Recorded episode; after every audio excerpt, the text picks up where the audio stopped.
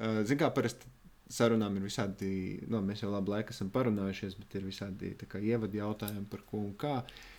Bet es sāku parasti ar smago jautājumu, smago artēriju, un, un tas ir jautājums, kas priekš tevis ir mīlestība, kā tu to jūti, kā tu to redzi, kā tu to saproti.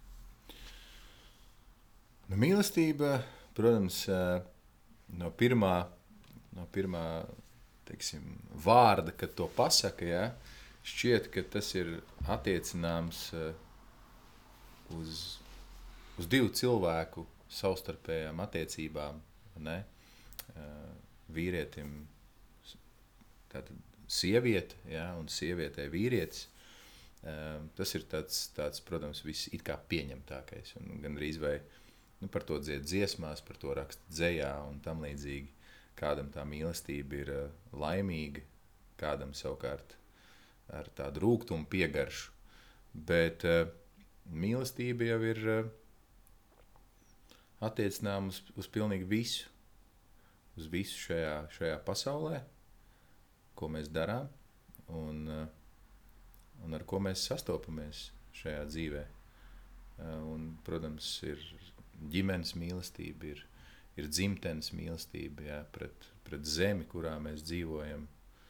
Uh, un, jā, arī pret lietām, kuras mēs darām.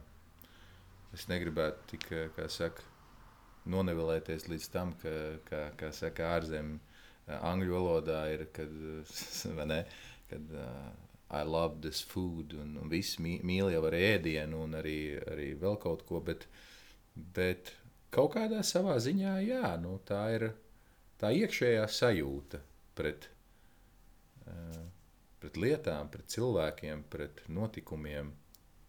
Un es, es piemēram, tagad man tikko ienāca prātā, es, piemēram, es varu pateikt to, ka es, eh, es patiešām mīlu dziesmu svētkus. Es tiešām tajā laikā, kad notiek dziesmu svētki, un es esmu daudzos piedalījies no bērnības, sākot no jau no pusauģu gadiem. Un es varu pateikt to, ka es tiešām tajās, tajā, tajā nedēļā, kad notiek dziesmu svētki, man tiešām ir tāda kā iemīlēšanās tāda fāze manā, manā sajūtā, manā galvā, manā sirdī. Un jā, tad, jā, es mīlu mūziku. Jā, un, nu tā. Es domāju, ka tas ir, tas ir ikvienam līdzīgi pret, uz, uz lietām, ko cilvēki ar ko sastopās. Protams, ir atkal Mēs mīlam bērnus savus īpaši, ne, bet, bet, protams, arī citus. Kāpēc cilvēki vienmēr lielākā daļa arī īpaši mazu bērnu klātbūtnē viņiem tā kā kaut kas tā kā atverās viņiem pašiem. Tāda, tā kā, jo, no, jo no maza bērna, no tāda, kam ir vēl jau vairāk, kurš ir pilnīgi ne pie kā nepiesaistīts, ne, nekādos rāmjos vēl neielikts, kuram ir divi, trīs, četri gadi, viņi jau vienkārši ir staigājoša mīlestība. Un vien, vienmēr, ne, nu, autobusos braucot vēl kaut kur ir mazs bērniņš, tur uzreiz viss tāda ah, izkūst? Tur uzreiz tāda mīlestības gaisotne ir. Un, un tā, es domāju, ka tev jau arī līdzīgi? Mm, jā, es vispār nav ko, nevienā brīdī ko oponēt. Bet ko, ko es sadzirdēju uh, par to, es tieši šodien klausījos vienu sarunu, kas man jau ir bijusi pirms kaut kādiem diviem gadiem, uh, par uh, par šo amerikāņu iezīmi, ka viņi mīl to un viņi mīl šito, un viņi to saka par visvienkāršākajām, vissaprotamākajām lietām. Um, un tu arī tikko to pieminēji, nu, ka tu negribi nonevilēt mīlestību līdz tādam līmenim, I love this food un tam līdzīgi. Man ienāca prātā doma, vai tā nav kaut kāda, mm, gan jau, ka tas ir mūsu, varbūt, ziemeļu tautām varbūt raksturīgi, nezinu par citām, bet mums laikam noteikti. Vai mēs šādā veidā nebloķējam to mīlestības plūsmu? Jo, ja tu jūti, ka tu mīli šo lietu, kāpēc nē? Jā, nu, kā, bet latviešiem ir tas teiciens savukārt, ka, ne, ka vīriešiem mīlestība nāk caur vēderu. Ja? Mm -hmm. Tā tad ir, ja, ja mīļotā sieva vai meitene, vai arī mamma, ja, kur arī mīl savu dēlu, piemēram Viņi kaut ko foršu, fantastisku pagatavo, kas nu, teiksim, dēlam vai meitai ir ļoti mīļš ēdiens. Mm. Tā jau arī ir mīlestība. Tad uh, arī, arī ēdiens ir mīlestība. Nu, tā ka, tā ka nu, laikam, no tā, no tā pat nevajag. eh, Protams, tā, nu, kā jau jebkurai lietai, eh, tas ir, ir ļoti daudz formu un izpausmes veidu. Mm. Un tā. Es kaut kur nezinu, no kurienes man šī pieredze, bet kaut kur jaunībā man liekas, atceros tādu frāzi, ka es ar šo vārdu, vārdu lieki nemētājos apkārt. Nezinu, kas man to teica un kādā sakarā. Gan jau, gan jau ka es kādam atzi, kādai atzinos mīlestībā, un, un kāds man teica, nē, es, es tev vienkārši nevaru šo te pateikt, jo tas man ir tik liels vārds, ka es ar to nemētājos apkārt. Nu, kur, kādai liekas, no kurienes tas nāk šī šī te sajūta? Zini, eh, ir tā, ka ejot gadiem uz priekšu cilvēka dzīvē, mēs uh, izējām cauri kaut kādām dažādām pieredzēm. Un, uh, un manuprāt, varbūt jā, ir, tas ir kaut kāds uzlikts tāds stereotips. Nu, piemēram, šis vārds ir tik liels, ja? Mm. šis vārds ir tik liels dārgums, nu, kāds tas, protams, arī ir. Ka to apmēram var izmantot uh, reizi mēnesī tikai. Tas ir tāds tā izējamais kostīms, vārds mīlestība. Mm -hmm. Katru dienu to nedrīkst teikt, jo mm -hmm. kas par daudz, tas par skādi. un Tad, tad eh, tas jau tā arī tur nonivelēsies un paliks jau tur kā vienkārši kāda ikdienišķa lieta. Bet uh, mēs jau nu, katru dienu taču piedzīvojam kaut kādus mīlestības mirkļus un tādas sajūtas. Ne? un uh, arī pat skumjos brīžos ir cilvēki, kuri mūs paceļ, uzmundrina, un tā tad viņi mūsu virzienā raida šīs mīlestības sajūtas. Varbūt bie, mums, man, manuprāt, mēs esam ļoti patiesībā dziļa tauta, tikai eh, nu, tā kaut kā tas ir iegājies. Es nezinu, kāpēc. Tur varētu analizēt kaut kādus laikus, notikumus, eh, eh, kā, politiskās formas vai vēl kaut ko, bet eh, mēs tomēr esam introverti kopumā ņemot. Jā, protams, daži latviešu atsevišķi cilvēki šķiet ļoti ekstraverti, tā kā uz āru vērsti. Un tad viņi liekas kā ārpus rāmja bišķi. Bet, ja, ja šie cilvēki nokļūtu kaut kādu dienvidu tautu vidē, viņi būtu tieši tādi pat kā viņi. Viņi neko neizceltos. Tur būtu vēl nākamās pakāpes, kur viņiem pat šķistu. Nē, nu šis jau ir vispār grītīgi traki. Bet eh, tāpēc eh, es domāju, ka mēs to varam uh, lietot un izpaust ikdienu, un arī manā dzīvē tā ir bijis.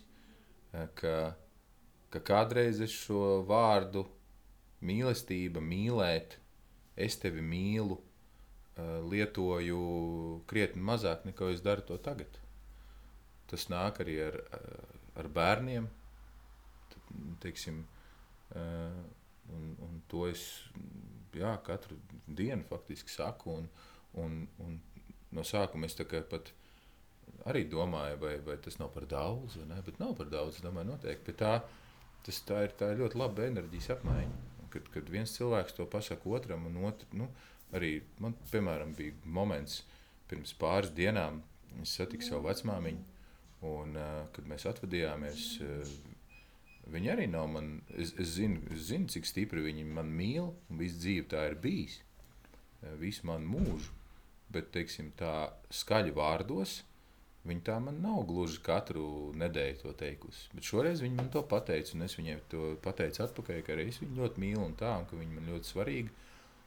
Un uh, man bija pēc tam tāda ļoti sirds, silta sajūta. Un tā. Tas man šķiet, ir vecākām paudzēm ļoti raksturīgi. Ka skaidrs, ka mm, mūsu vecāki un mūsu vecāki, nu, es, labi, es esmu vēl nākamā paudze, es tevis, bet uh, ka viņi mūs mīl, nu, tas ir loģiski, nu, caur darbiem, caur rūpēm un tā tālāk.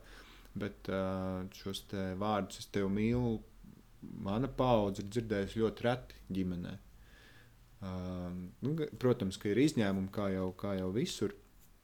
Un, uh, tam noteikti ir, tur analizējot, tam noteikti ir saistība ar to, kā mēs esam gājuši cauri pagājušajā gadsimtā un kādas bija sabiedrībā, kādas pieņemtie, pieņemtās normas un tā tālāk.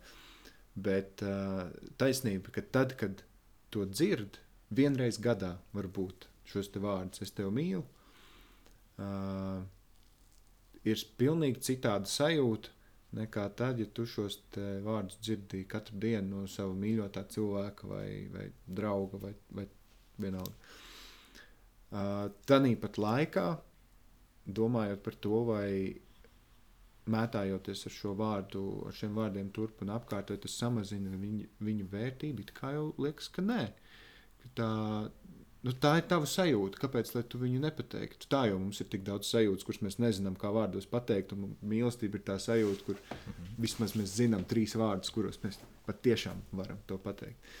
Uh, jo tas jau to mīlestību kā tādu, viņas vērtību nemazina. Es nezinu, kam lai piesien kaut kādu uzskatāmāku piemēru. Es domāju par ūdeni, piemēram, ūdens ir fundamentāls mūsu dzīvēm, ļoti vērtīgs.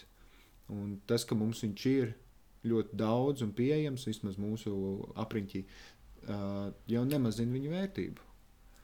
Tāpat man šķiet, ir ar mīlestību, ka jā, mums, mums viņa ir ļoti daudz, un mēs ar viņu varam dalīties, un ja mēs ar viņu daudz dalāmies, tas nemazina viņas vērtību. Jā, tas, tas noteikti nemazina viņa mīlestības vērtību, tas tikai to pastiprina, jo nu, te ir atkal teiciens, nu, ko, ko mēs sējam, to mēs pēc tam pļaujam.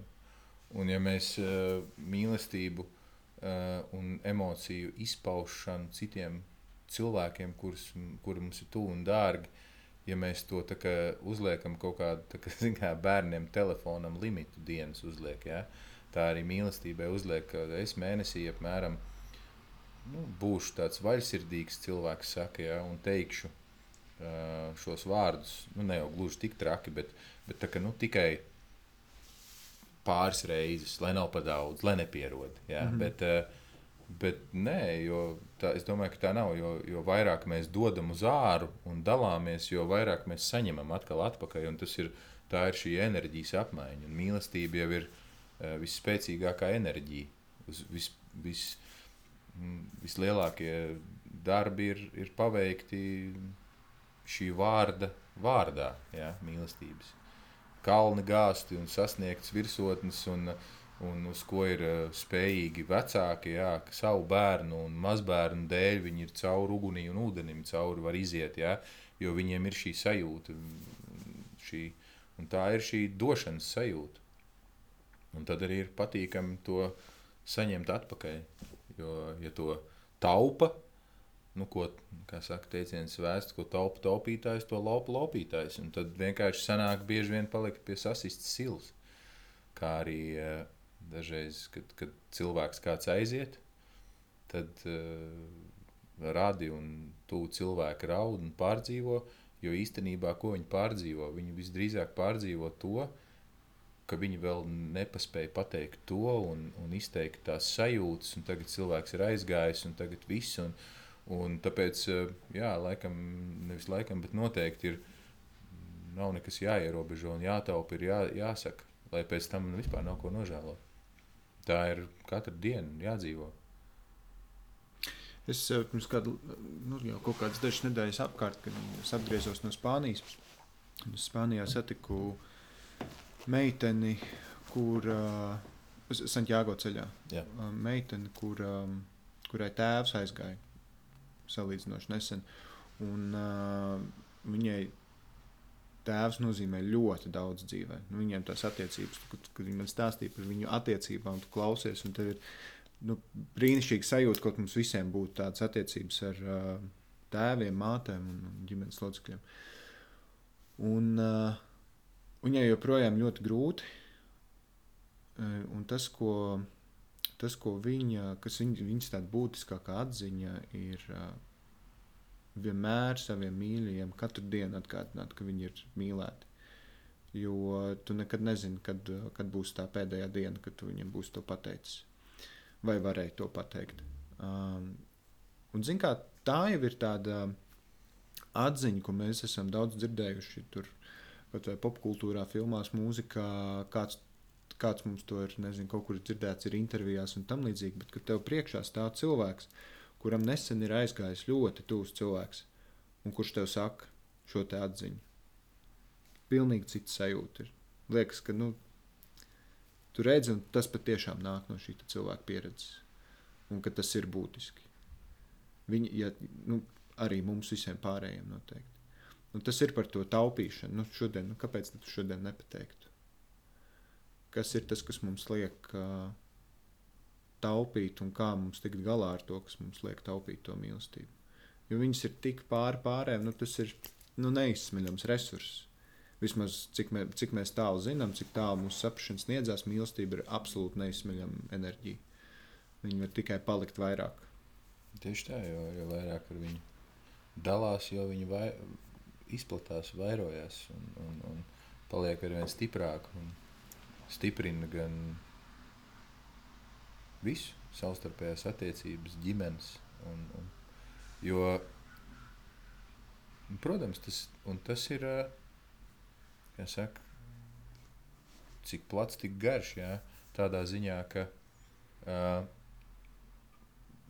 ir, ir tie dažādie cilvēku tipi, uh, kuri uh, vi, nu, teiksim, jā, lasīju arī kaut kad pirms kāda jau laba laika. Un, un analizēju, kā tas teiksim, ir manā gadījumā ar, ar, ar manu sievu. Ja? Ir piemēram sievietes, kurām, un arī vīrieši, bet, nu, teiksim, runājot par sievietēm, ir sievietes, kuras uh, visvairāk izjūta šo mīlestību uh, caur vārdiem, caur apliecinājumu, caur tādu uzmanības pievēršanu. Ja? Uh, savukārt ir atkal uh, cits tips cilvēku, un, uh, kuri tieši vairāk caur darbiem to sajūt. Viņiem, viņiem var teikt, bet ja viņš redz tas cilvēks, kad jā, nu, piemēram, kaut vai sīkumu. No rīta tur sakārtot gulta, bez teikšanas, tur iznestas kaut kādas miskastes, nomazgāt trauki un tā. Un tad tas otrs cilvēks sajūt, ka tas cilvēks man mīl, viņš zina, kas man ir svarīgi un rūpējās tādā veidā. Un tad vēl nu, papildus gan vārdi, gan darbi, kas to apliecina. Jo Jo var, kā, mētāties ar vārdiem, bet, eh, bet beigās cilvēks eh, it kā tos vārdus dzird, bet viņš to līdz galam nesajūt. Ne? Tā. Nu, tas ir tas, kas jau atkārt, nu, man ir bijušas dažas sarunas vēl pirms šīs, un uh, katrā no tām ir bijusi šī tēma. Un uh, tie, kas šo dzird, atkārtot nekas, atkārtošana, zināšana māte, bet tas ir tas, ko sauc par piecām mīlestības valodām. Jā, jā, tas, jā. tas tieši tas, ko tagad teici. Jā. Jā, tas, un, tā ir tāda ļoti praktiska lieta, kas ļoti palīdz saprast mums pašiem sevi un saprast otru partneri un, un saprast, kā mēs, kādā valodā mēs viens otru runājam. Jā, jā jo nu, tas to, to saka, šo, mēs katrs esam unikāls ar savu, ar savu iekšējo dvēseli un pasauli un pieredzi. Un, un vēl citām daudzām pieredzēm no iepriekšējām dzīvēm, kas ir krātas un slāņojušās pāri. Ja.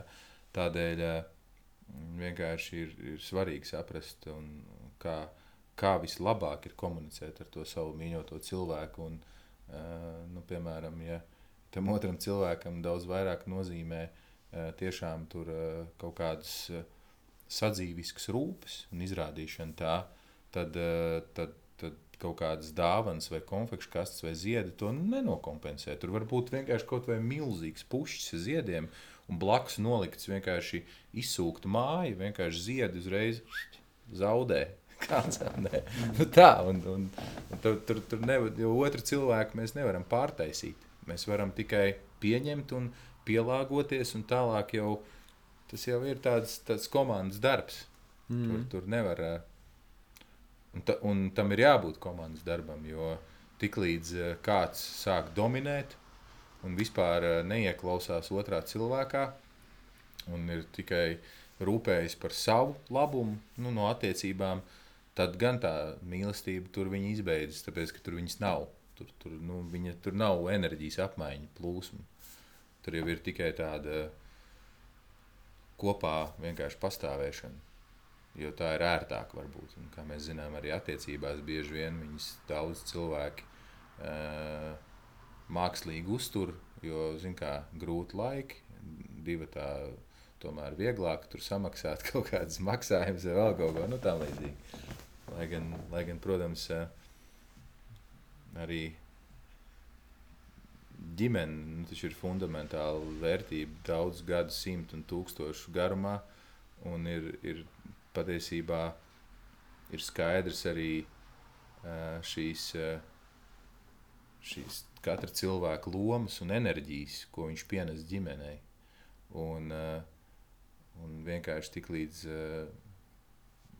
vīrietis kaut kā pāriet sievietes lomā, un sieviete tagad ir tā galvenā kaut kāda, nezinu, nu, piemēram, tīri sadzīviski. Jā.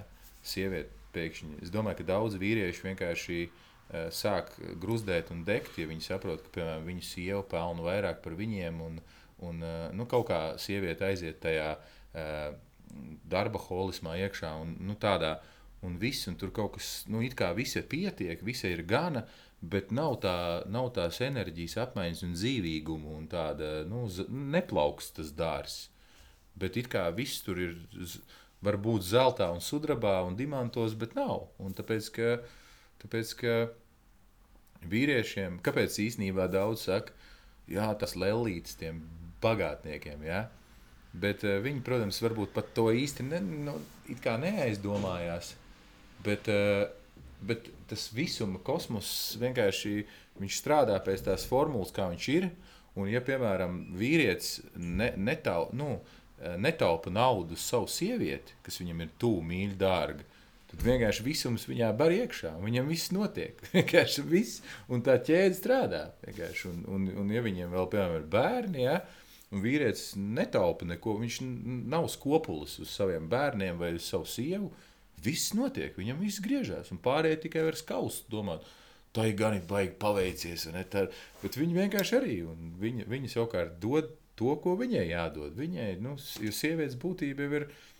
Nu, nu, atkal tas viss ir mūsdienu tajā kapitālismā, tās tā sačakarējies, ja, ka, ka, ka sievietes uh, grib uh, tādā nu, pielīdzināt, nu, ka viņām ir jātiek līdz vīriešiem, vai pat jāapdzen viņi, jābūt tur augstos ieņemamos amatos un tam līdzīgi. Un tā.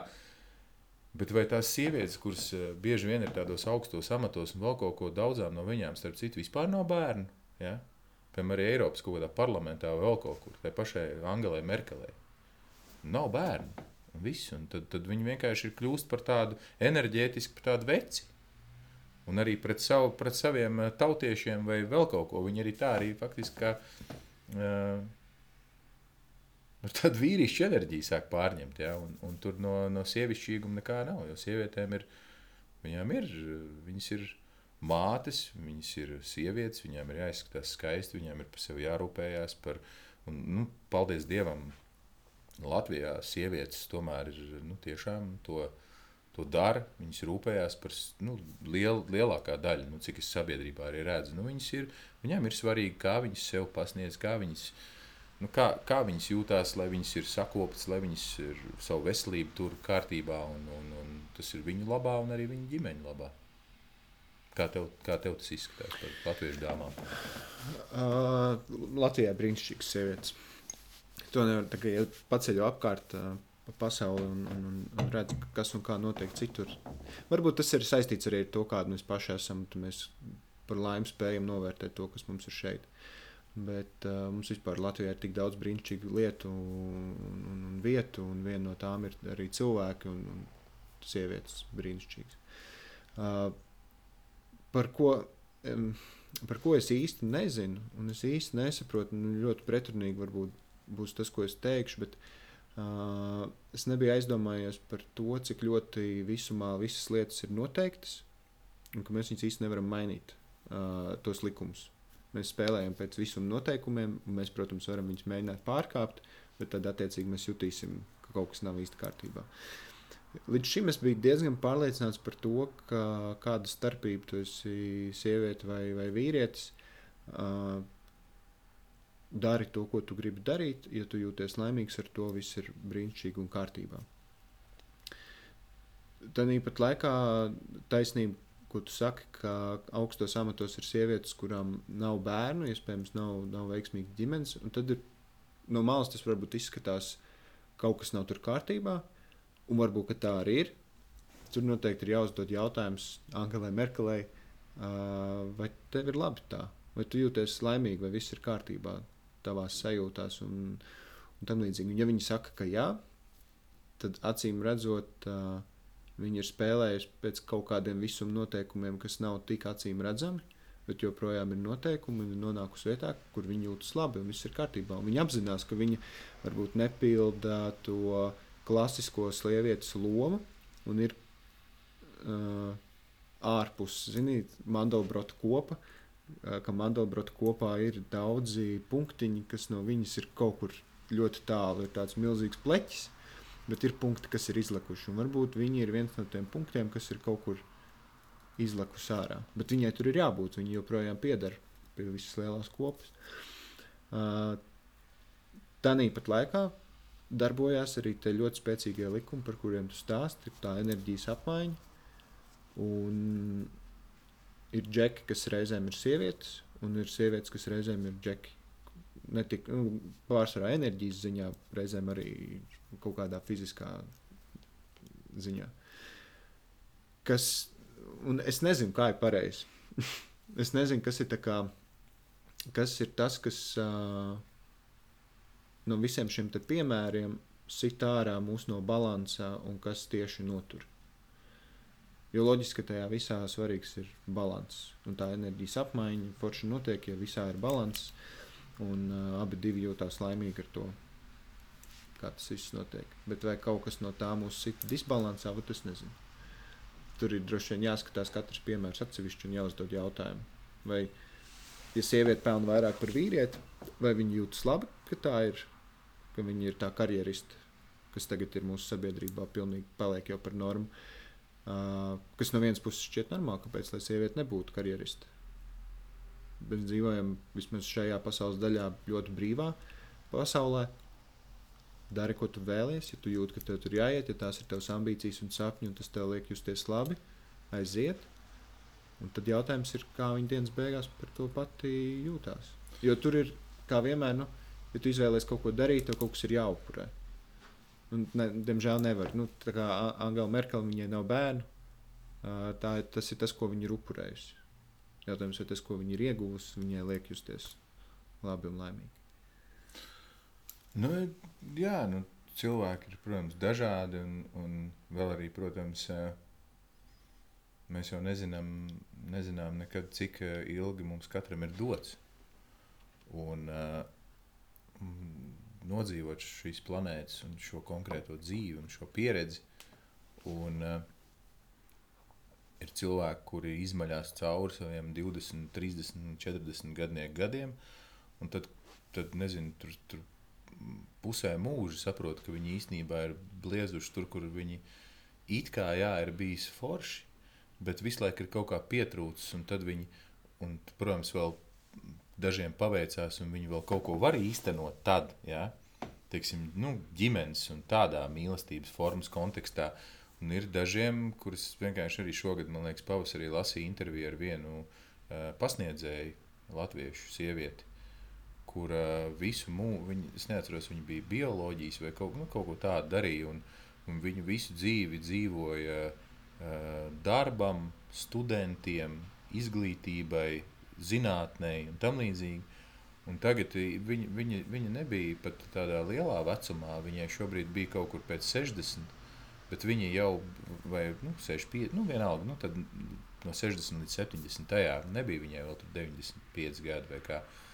Un viņa, viņai tad sākās veselības problēmas, un kā mēs zinām, tad veselības problēmas bieži vien arī parāda mums. Tie ir tie signāli, kas mums rāda, ka kaut kas nav kārtībā, kaut kur nav, tur neiet, tur, kur ir jāiet, kaut kas netiek darīts tas. Un tur tur uh, špricis un zāles to tikai var kaut kā uh, nu, nu, cīnās ar sekām, ne ar cēloņiem. Cēlo, cēloņi vienmēr ir enerģētiski, mm. kaut kāda sabiezējuma. Tāda.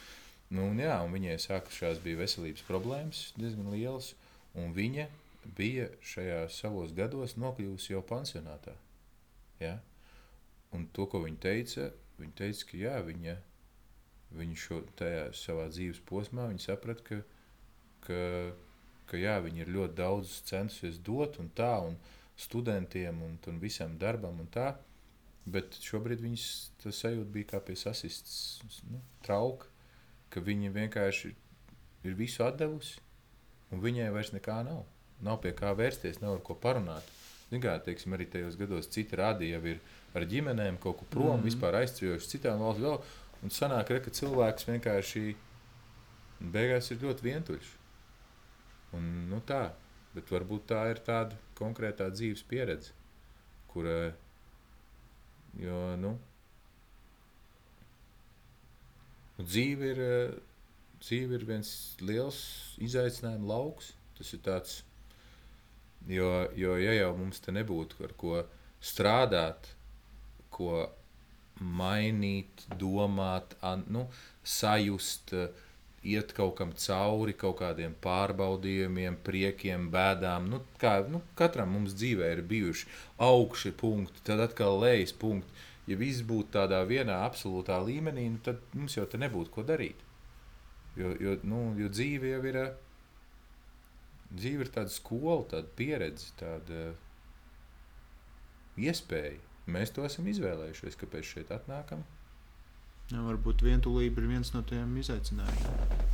Dažiem, varbūt varbūt dažiem. kādam cilvēkam dzīvē, pirms viņš nāca, uh, viņš izdo, izdomāja, ka tas ceļš būs tāds, un nu, cits piedzimst, lai iemācītos. Piemēram, arī kaut kad nesen lasīju vienu tādu interesantu rakstu par to, ka ka piemēram, dvēseli tur ir augšā, ja, un tad viņi izdomā, ka viņi grib pieredzēt šajā dzīvē, uh, iemācīties piedot. Un kā, kā, kā protams, uh, uz, uz zemes var vislabāk iemācīties piedot, nu, ja, ja notiek kaut kādas uh, nu, pārbaudījumi, kaut kādas pārestības, aizvainojumi, nu, kaut kādi izdarīti, uh, Un cilvēks eh, beig beigās, eh, lai cik arī grūti būtu, viņš tiem pāri darītājiem, vai varbūt, nezinu, tur sieviete piedzimst, un tad viņi izaug un iemīlās un apprecās. Un, piemēram, vīrs ir kaut kāds desktops, de, nu, despots un kaut kāds var, varmāka. Ja? Mm. Bet caur to vienkārši arī kaut kāda skola tiek iziet. Ja? Un, un, un, nu, jā, kā tas, tas, tas nav vienkārši. Tas nav. Man, man pašam arī dzīvē ir bijuši nu, ļoti skarbas pieredzes, dažādas arī ar, ar, ar, ar vārdu mīlestību, ar, ar iemīlēšanos, ar, ar, ar lielām sirds sāpēm un, un, un, un arī tādā veidā sevis nemīlēšanu. Un tas, un tas tā ir vēl viena tēma, par ko var daudz un dikti runāt. Par to, ka ja cilvēks ir Es, es, es pilnīgi skaidri šeit, kā sēžot, atceros to sajūtu, ka es esmu pats ar sevi, bet es negribu būt ar sevi. Jo man ir, man, man velk pie kāda otra cilvēka, un ja tā cilvēka nav, tad manai pasaulē nav vispār nozīmes. Ja? Un tas, to, to bieži vien cilvēki pieredz īpaši tādos, nu, ap 20, pēc 20 gadiem, ja, tajā vecumā īpaši, kad viss ir tik tik tie spilgti iespaidi, notikumi, viss tik ātri notiek dzīvē, un tā, un, un tad ir šāds, šāds atgadījums, un tad ir, nu, nu ārkārtīgi, tagad skatoties, iekšēji ir ļoti destruktīva sajūta. Ja, protams, tur nāk klāt vēl kaut kādas atkarību raisošas vielas vai vēl kaut ko, tur var galīgi tālu aizpeldēt. Mm. Un, un vispār vairs neatgriezties. Un tad, nu, ja, ja, ja nu, ir daudz gadījumu, kad dzīve šādā veidā beidzās, tad aiziet atpakaļ mājās, ja, un tur saka, nu, veicīt. Diemžēl, tā kā, nu, ne, auto vadītāji, nu, kā saka, eksāmenā saka, nu, būs jāpienāk vēl vienreizīt, jā, mm. šitas nesanāca, ne. Un tā uz apli, kamēr, kamēr tu tiec galā. Jā. Tas, tas jā, ir tā kurai, kurai kultūrai, kam bija tas, tas, tas lokus, pa kuru mēs, tas ceļš, pa kuru mēs ejam. Spirāli. Jā, kad, mm. kamēr nonākam, tur nonākam. Kādā spirāles posmā var aizsēdēties ilgi, netik mm. galā, netik galā. Un, un, uh, un, jā, un, un tagadējā laikā arī nu, mēs ļoti labi redzam, ka es domāju, ka visiem ir uh, lieli izaicinājumi, bet, uh, bet teiksim, vīriešiem, manuprāt, šobrīd ir tādā ziņā e, grūti, e, ka nu, me, nu, šobrīd mēs esam nu, trešajā pasaules karā mēs esam. Šobrīd mm. viņš ir pilnīgi citādākā formā. Bet uh, nu, mūsu tajā vīrišķajā enerģijā sēž iekšā tas karavīrs, nu, tas, tas cīnītājs, aizstāvis. Nu, mēs jūtam, ka mums ir jāaizstāv bērni, sievas, nu, ģimenes. Jā. Un vienmēr, vis, nu, iepriekšējos visos karos, daudz gadsimtu garumā, bija tā, ka, nu, pretinieks, pret ko iet, nu, kad ir viss jāaizstāv. Nu, piemēram, teiksim, rekur, tepat mēs tagad sēžam Rīgā un tepat rekur pie dzelzceļa tilta, rekur tagad reku tuvojas Latvijas diena, nu, tur tajā 19. gadā, tajā oktobrī, novembrī, nu, tie vīri zināja, kāds ir viņu mērķis un par ko viņi cīnās un bija gatavi krist. A šobrīd nu, nav tāda, vien, nu, tāda konkrēta pretinieka, nu, ar ko varētu cīnīties. Un, un šī spēle, šī, šī, šī, šī reize nav, ka tie būtu ieroči vai kaut kas tamlīdzīgs. Ja? Viss nav tik saprotams. Šī, šī ir dziļāka reize. Šīs reizes, laikam, atslēgas vārds ir atslēgas vārdi, cik es esmu sajūtis un sapratis, ir, ir miers, ja, miers, pacietība, lēnprātība, ja, tas viss. Tad šeit nav, šeit nav atslēgas vārdi spēks, agresija, jā, kaut kādas dusmas. Nu tā, Nu, jo mēs esam rekur, atceļojuši līdz šim brīdim. Un, un, lai gan to brīžiem grūti ir pieņemt, es nezinu, kā tev, bet, bet uh, ir grūti pieņemt, ka, uh, ka ir tāds laiks, bet no otras puses tā ir uh, nu, viena no fantastiskākajām iespējām. Es domāju, viena no brīnišķīgākajām pieredzēm, kuras mēs līdz šim vispār esam piedzīvojuši šajā laikā. Jo Es, es ticu, un es, es tāpēc arī šeit joprojām esmu un gribu būt, jo šī ir eh, fantastiska iespēja pieredzēt to visu un pāriet tajā jaunajā laikmetā, kuram es, kas ir tas, kāpēc, kāpēc man ir prieks būt un ka man ir mērķis, ko es virzos, un, un, un kad ir apkārt vēl cilvēki, kas iet tajā pašā virzienā mm. uz šo jauno ūdensvīru laikmetu. Mēs no zīves pārējām uz ūdensvīru, uz, uz gaismas un tiešām uz, uz vārda vis, m, visplašākajā nozīmē mīlestības laikā, kurā vairs nav. Uh, saka, tādi maldi un, un spaidi un, un tas viss. Bet, uh, nu, kā mēs zinām, tad uh, vistumšākā naktis ir pirms saulēkta. Šobrīd mēs esam tajā pašā šajā punktā. Pēc tām sajūtām, jā. jā.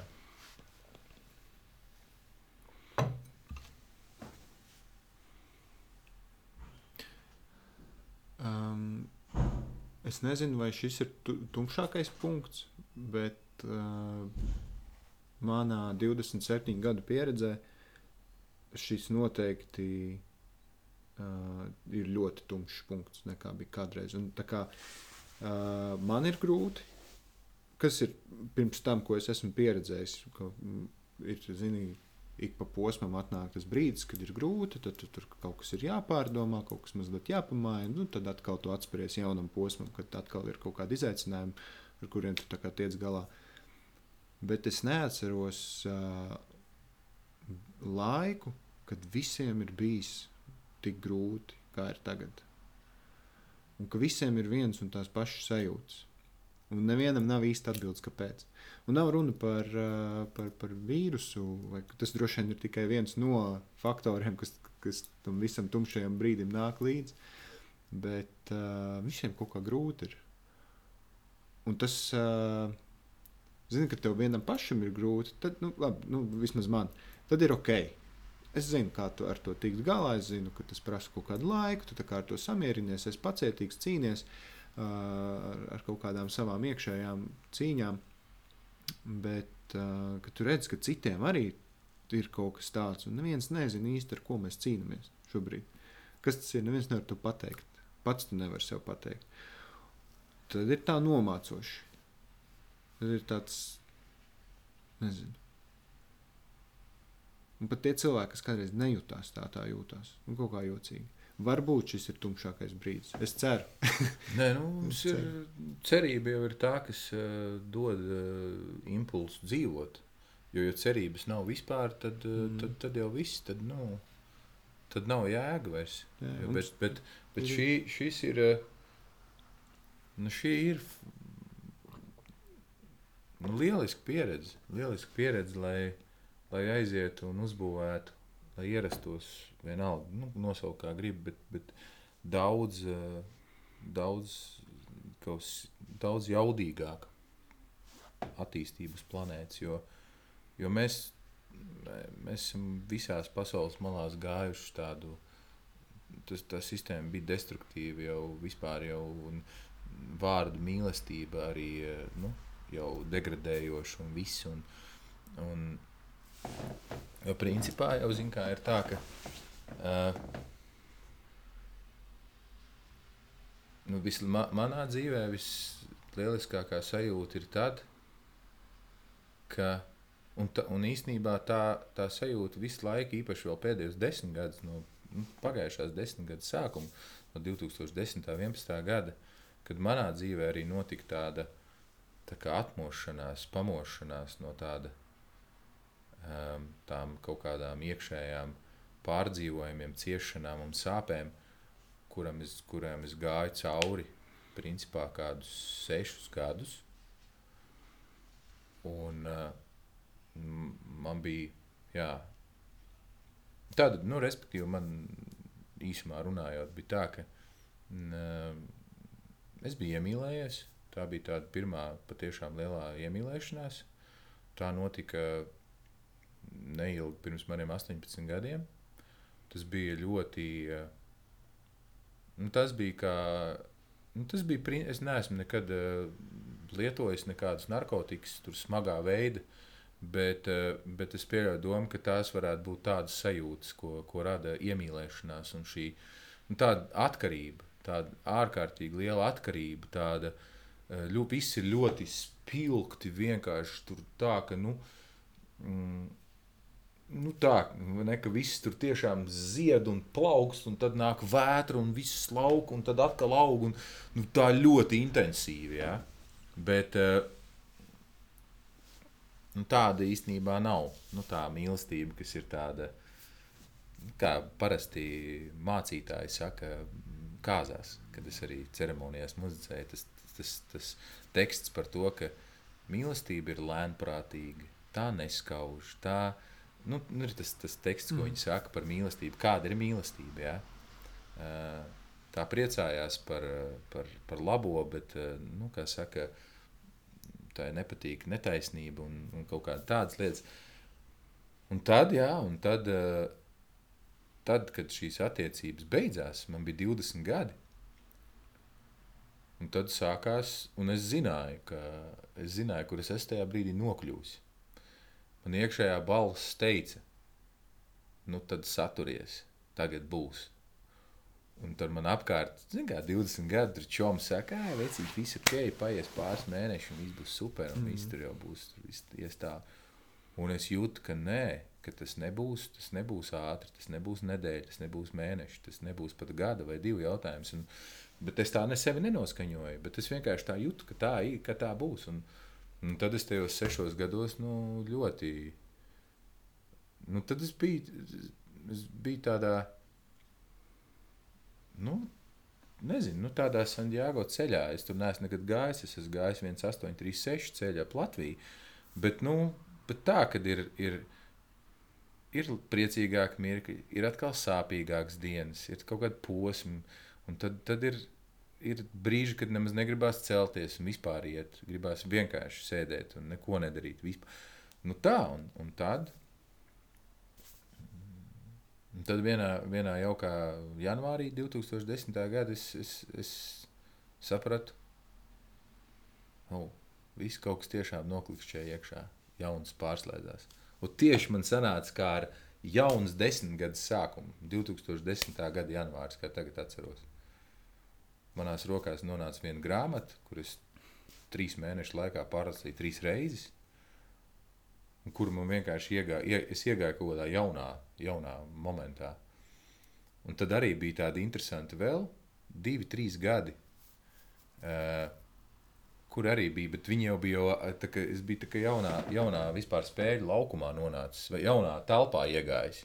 Atkal viss jauns, interesants, tur jauni cilvēki sāk parādīties, atkal kaut kāda cita notikuma, pilnīgi cits tāds enerģijas stāvoklis. Un, un tad savukārt, jā, kad, kad es satiku 13. gada pavasarī savu sievu, tajā brīdī, jā, es sapratu, fuh, es esmu atnācis. Es vēl gāju nenormāli garu gabalu, bet es atnācu un tur vispār. Un tur nebija nekā, tur ne, nebija tāds tur kaut kāds, tur kaut kāds tur, tāds randiņu periods, un tad kaut kāds viens otru pārbauda, vai tiešām mīl vai nē, vai tas ir tikai tā. Vienkārši bija viss, viss, un saslēdzās, atnāca un viss notika. Un, un tad atkal sākās jauns ceļš.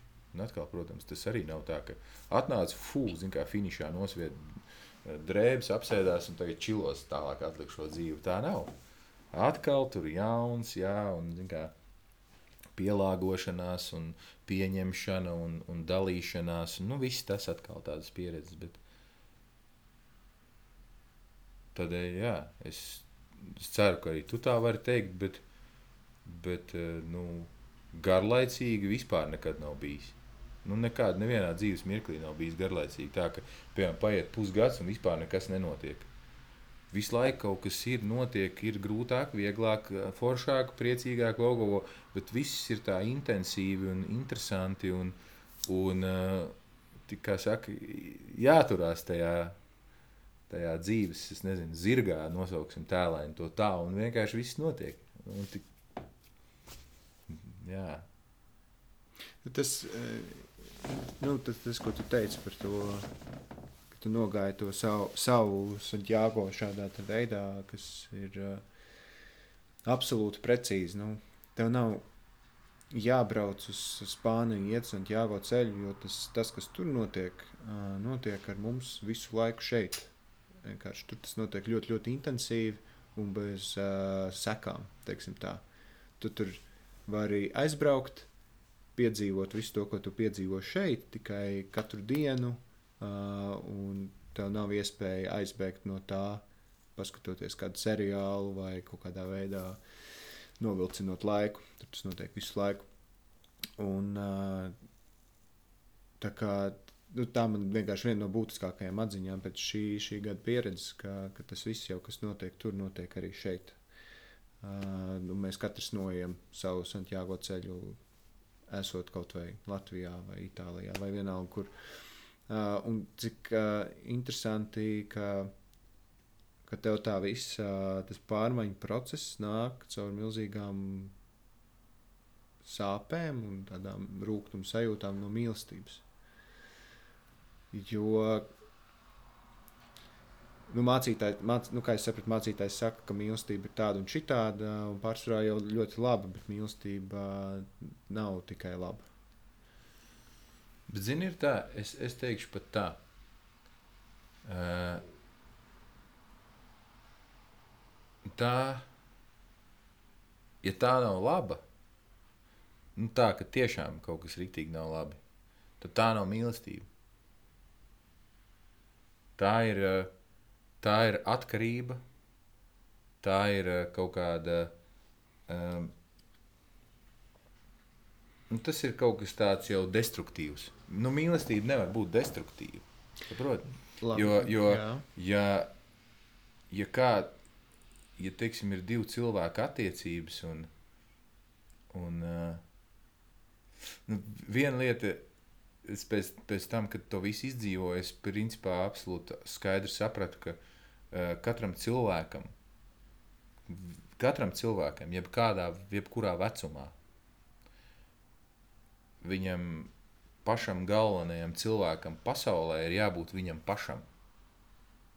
Nu, viņam ir, un tas, tas, nav, tas nav egoisms. Tas nav vienkārši cilvēks spēj dalīties uh, ar citiem un nonākt tādā beznosacījuma mīlestībā, ja, ja viņš pats ar sevi jūtas harmonijā, nu tā, mm. viņam, jā, viņam ir interesanti ar citiem, un, un pēkšņi man ir non, es nonācis līdz tam, un es vienkārši esmu pateicīgs, paldies Dievam, ka vienkārši tā ir, ka, piemēram, šobrīd manās attiecībās ar manu sievu, kas ir, un, un man ir, man ir ļoti, ļoti paveicies ar savu sievu, tādā ziņā, ka uh, nav, nav tādas uh, kaut kādas greizsirdības, vai īpaši vēl, zin kā, ir, ir, ir tas moments, ka uh, nu, kaut kad brīžiem kaut kad viņi ir, bet viņi ir ļoti, nu, tādā, kā, tā kā ēdienam, piemetas čips sāls vai piparu, ir ok, bet ja viņi reāli pārpiparo, nu, nav jau ēdams, ir pilnīgi slikti paliek, ja? Un tieši tas pats ir ar kaut kādu, nu, uh, tā nu, greizsirdība nenormāla. Nu, viņi visi jau bojā gatavs. Tur, nu, tad, tad kaut kas nav pārliecināts. Ja cilvēks nav pārliecināts par otru cilvēku, tad tas jau saknē kaut kas nav. Tad tur, tur, tur ne, nevar beigties labi. Tas. Un, uh, šobrīd ir tā, ka, protams, viegli to pateikt, grūti to izdarīt, bet, uh, bet cilvēkam ir. Uh, Tur var arī runāt, kā tu teici, par šiem pieciem mīlestības tipiem un, un vēl par cilvēku tipiem, kurš ir kāds un tā.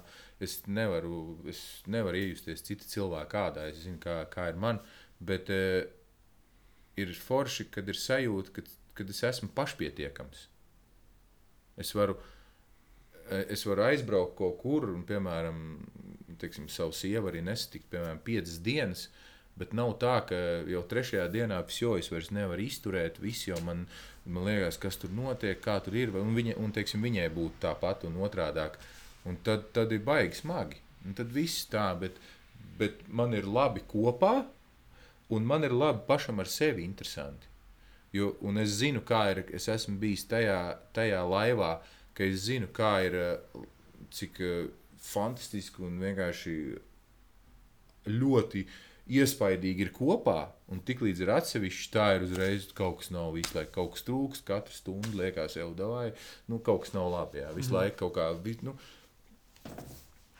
un tiklīdz ir tā, tad, tad nu, tā jau ir tāda jau kaut kāda, es saku, kā tāda atkarība mm -hmm. no otra cilvēka. Un mīlestība nav atkarība. Es domāju, un šo es atkal atkārtojos, jo kuru reizi uh, man, man patīk mīlestību pielīdzināt uh, saules enerģijai. Un būtībā jau saules enerģijai nav nekādas vainas, nekāda mīnus. Bet, ja tu kā cilvēks uh, izlidos ārpus atmosfēras bez skafandra, nu, tur ir pat ne sekundes jautājums, tu vairs neesi. Saules enerģija tevi vienkārši apēdīs ar visu to, kāda viņi ir. Tāpat laikā šeit uz Zemes esot, uh, nu, mums ir paveicies ar to, kā šī Zeme ir iekārtota, uh, šī planēta. Uh, bet tu saules enerģiju var izmantot tik daudz jēdzīgos veidos, novirzīt viņu šeit un, un, un tur un to izmantot kā kaut ko ļoti labu.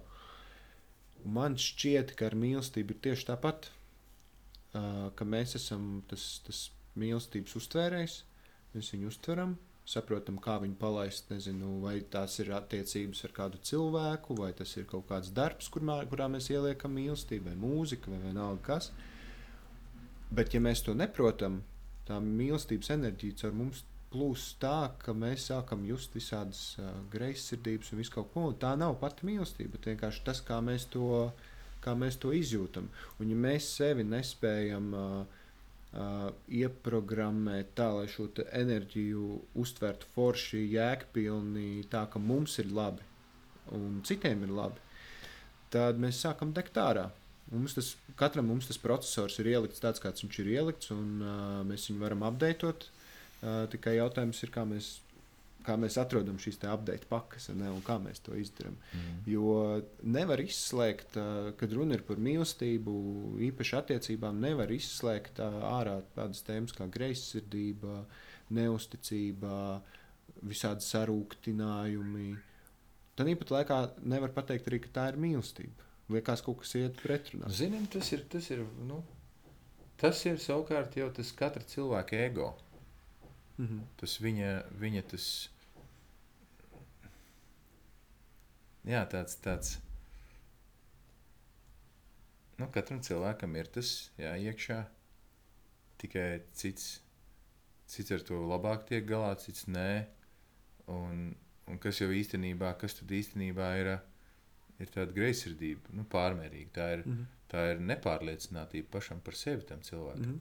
Jo, ja cilvēks ir pārliecināts par sevi, tad viņš zina, ka tas otrs cilvēks, nu, nu viss ir kārtībā. Bet tiklīdz tas cilvēks nav pārliecināts par sevi, tā uzreiz tas pārmetās arī uz otru cilvēku, kad nav pārliecināts arī par otru. Mhm. Un tas viss tādā katlā sāk mārī, vārīties. Tur tas, kā saka, augs sāk iet uz jau pāri malām, un tad, tad tur, tur ir sprādziens, vai ne? un tur Mm. neizbēgami. Un, un, un jo pārliecinātāks cilvēks ir pats par sevi, jo arī citiem ir vieglāk ar to cilvēku. Nu, viņi jūt, ka nu, tā cilvēks no cilvēka vienkārši izstaro vienkārši pār, nu, tāda Mm. pašpārliecinātība, ka viss viss ir labi. Un, un tiklīdz ir kaut kādas jau tur šaubas un satraukumi, tas taču arī kā nu, mēs esam staigājuši enerģijas lodes. Ja cilvēki ja telpā visi ir mierīgi, un ienāk pēkšņi kāds, piemēram, kurš ir nenormāli uzvilkts un satraucies, un pārējie cilvēki, kuri ir tādi jūtīgāki, viņiem tas uzreiz arī pārmetīsies. Ne jau kaut kas mainījās, jau kaut kas nenotika. Ja? Bet ir cilvēki, kuriem vienkārši nav ne jau tādu kaut kādu aizsardzību, nu, bet arī, arī kaut kādam tādam, nu, nu, kā saka, arī kaut kādam savam aizsardzības slānim ir jābūt nu, tādam, kas ir mm. pasargā no. Jo, jo cilvēki, kur ir maksimāli jūtīgi, viņiem vispār ir grūti. Viņus vienkārši tur, tur nu, tas, tas viss, jā, tās garastāvokļa maiņas un vēl kaut ko. Viņi tur dienas laikā var izdzīvot veselu tur mēnesi citu cilvēku dzīves. Jā. Bet, uh, nu, vēl viens, protams, vēl viena, protams, lieta, ka nu, pats, pats visaugstākais radītājs, pats Dievs jau ir mīlestība. Jā. Kāpēc, mēs vispār šeit esam? Jā. Nu, tas, tas ir vēl viena lieta. Un, uh, un arī manā dzīvē mm, tas ir svarīgi, ka es katru dienu esmu pateicīgs par to, kas, kur es esmu, ko es, ko es daru. Un, un katru dienu ar savu personīgo eņģeli, sargeņģeli parunājos, un, un vēl ar citiem, ar arcangelu Mihēlu, un, un, un, kas uh, ir katrs eņģēlis, arī viņiem ir savas jomas, par kurām viņi strādā un atbild. Un, uh, nu, un tā, tā kā arī, arī attiecības ar visaugstāko radītāju ir vēl viena lieta, kurai mēs ejam cauri. Kad runa ir par uh, piecām mīlestības valodām, kas ir apliecinājumi, vārdi, dāvanas, uh, kopā pavadītais laiks, pieskāriens un, un, un, un, un Darbi. Un darbi jā. uh, un kad tu ru- runā par, par, par, par dievu un sargeņģeļiem, kā tu jūti, ar kādu valodu tu sarunājies, un ar kādu valodu dievs sarunājas ar tevi? Jo es dzirdēju foršu frāzi, ka pats autors, pa, pa, pats autors arī par šo mazliet rakās iekšā, pēc mīlestību valoda autors. Uh, viņam uzdeva jautājumu, kādā valodā runā Dievs. Um, un, un, un viņš nonāca pie secinājuma, ka Dievs runā visās piecās perfekti. Nu, Bet, noteikti. bet, bet, bet, bet uh, kā viņš runā ar katru no mums, tas ir atkal atkarīgs no tā, kā, ko mēs vislabāk uztveram. Kā, kā tu jūti? Nē, nu es, es runāju, es vispār uh, daudz runāju pats ar sevi.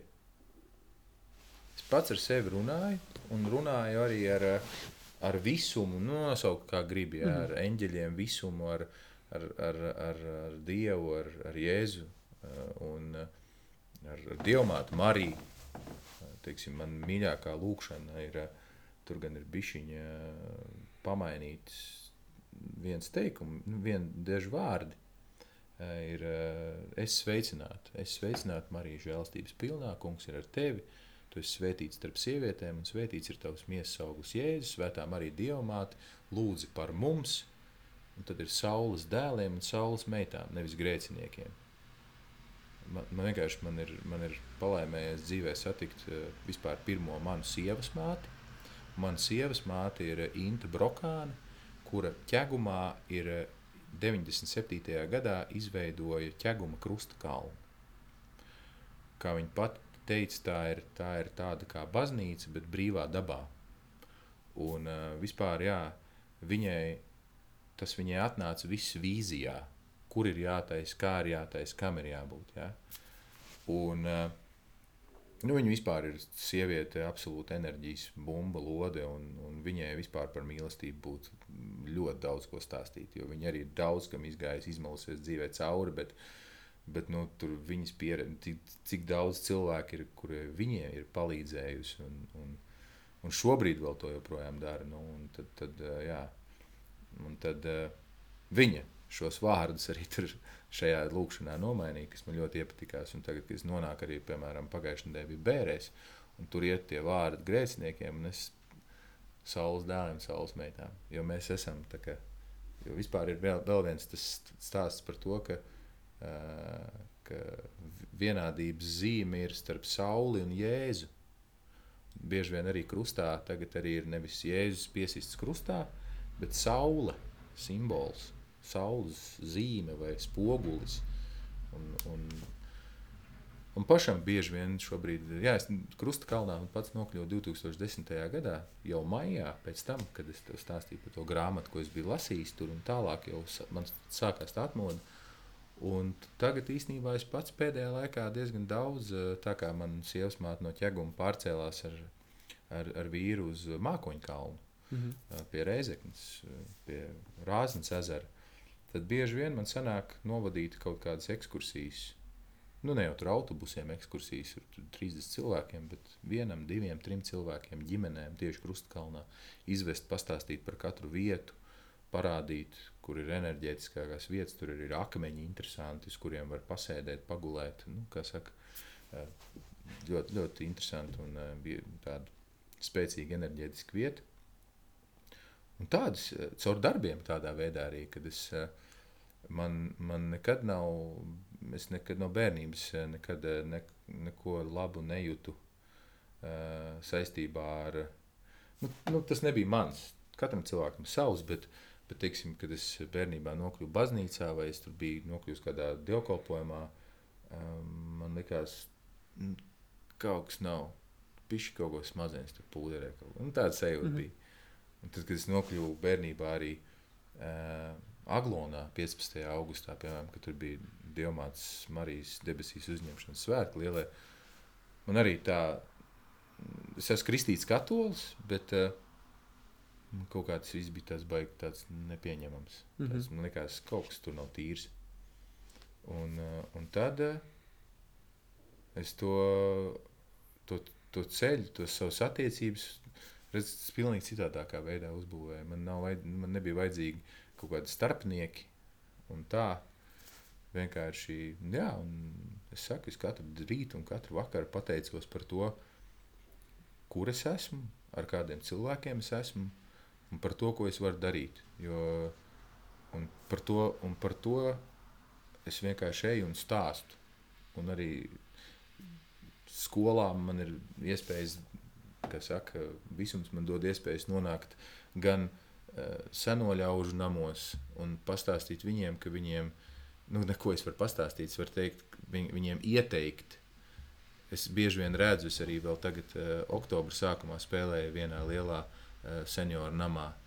Un, un es iekšā sēžu un domāju, man iekšējā balss saka, Evo, vecīt, nu, pasaki viņiem. Es saku, kas, bet viņš ir trīs reizes man vecāk, vai ne? Viņiem, man ir 37, viņiem tur jau 90. Tā. Es viņiem saku, nu, saku, ka jūs nedrīkst, nu, ne, lūdzu, neapvainojieties uz šo dzīvi, uz šo pasauli, uz saviem radiem. Nu, citādāk jūs vienkārši vēl te ilgi gruzdēsiet. Varbūt bieži vien ir tā, ka uh, tad, kad cilvēks beidzot saprot, nu, viss pietiek, nu, atlaidīšu, piedošu visiem un tā, Bieži vien tie cilvēki arī 8, 5, 9, 95 gados vienkārši aiziet. Nākamajā mēnesī, nedēļā, uh, Vienkārši viss viņi ir tā kā, hu, apmēram augšā tur viņas gaidīja, gaidīja. Nu, tā beidzot, nākamā mājās. Ja? Nu, tā. Un, uh, un tad, jā, es, es uh, cenšos darīt,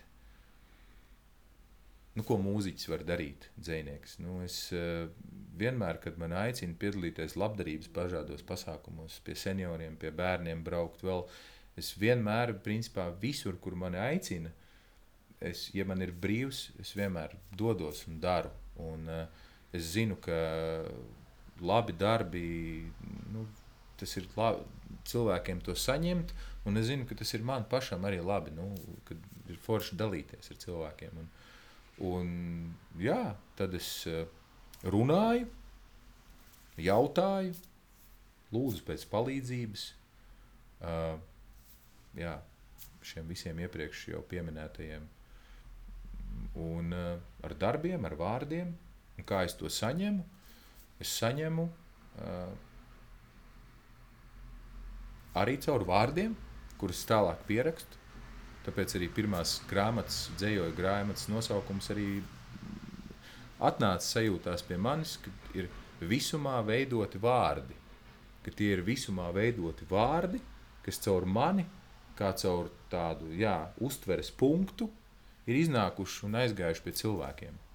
Un kad cilvēki man saka, ka tas šis dzīslis viņiem ir tiešām palīdzējis tajā dienā, un ir īstais dzīslis atšķirts tajā, es saprotu, jā, nu, kad, kad tā tas viss ir forši, tas strādā un man tas ir jāturpina.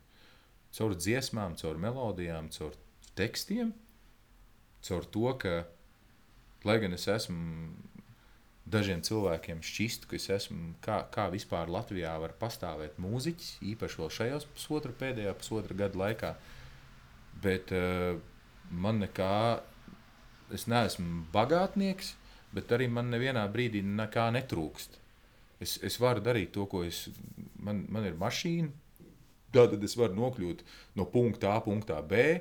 Es varu satikt cilvēkus, man ir instrumenti, uz kuriem spēlēt.